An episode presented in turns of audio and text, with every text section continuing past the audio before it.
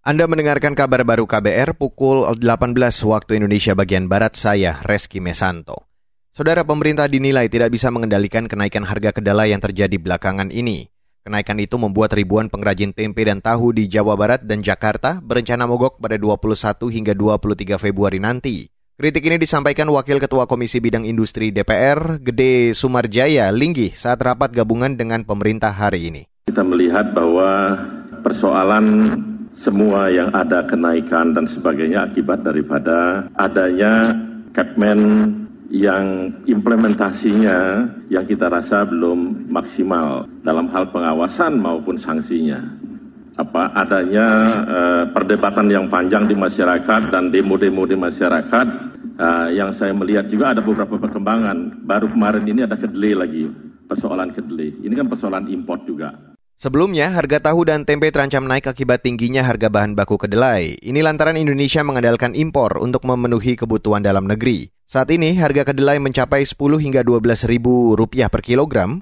Tahun lalu, harga kedelai masih di rentang harga 8 hingga 9 ribu rupiah per kilogram. Kementerian Perdagangan atau Kemendak mengklaim kenaikan diakibatkan harga kedelai global yang meningkat.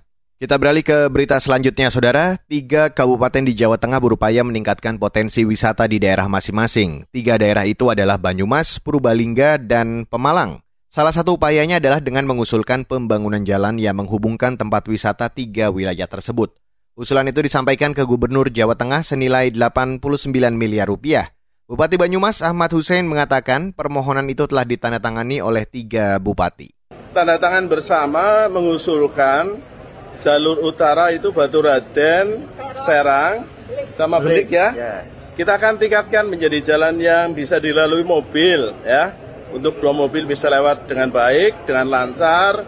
Eh, kita usulkan ke provinsi. Sedangkan tahun ini ini sudah akan dibangun dari Batu Raden sampai hampir perbatasan Purbalingga. Ahmad Hussein menambahkan, Kabupaten Banyumas pada tahun ini akan mendapat peningkatan jalan dari Pemprov Jateng, yakni separuh jalan antara Batu Raden Serang Purbalingga sehingga Pemprov Jateng tinggal meneruskannya hingga Serang Belik, Pemalang. Harapannya pembangunannya akan memacu pariwisata dan meningkatkan ekonomi masyarakat.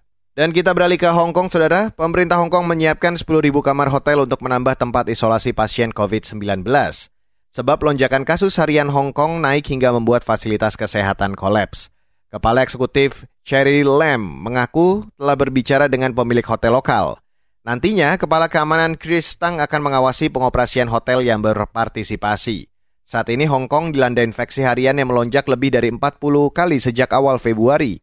Kondisi ini membuat pihak berwenang menutup sekolah, bioskop, gimnasium, dan sebagian besar tempat umum. Banyak pegawai kantoran juga kembali bekerja dari rumah. Dan saudara, demikian kabar baru saya Reski Mesanto.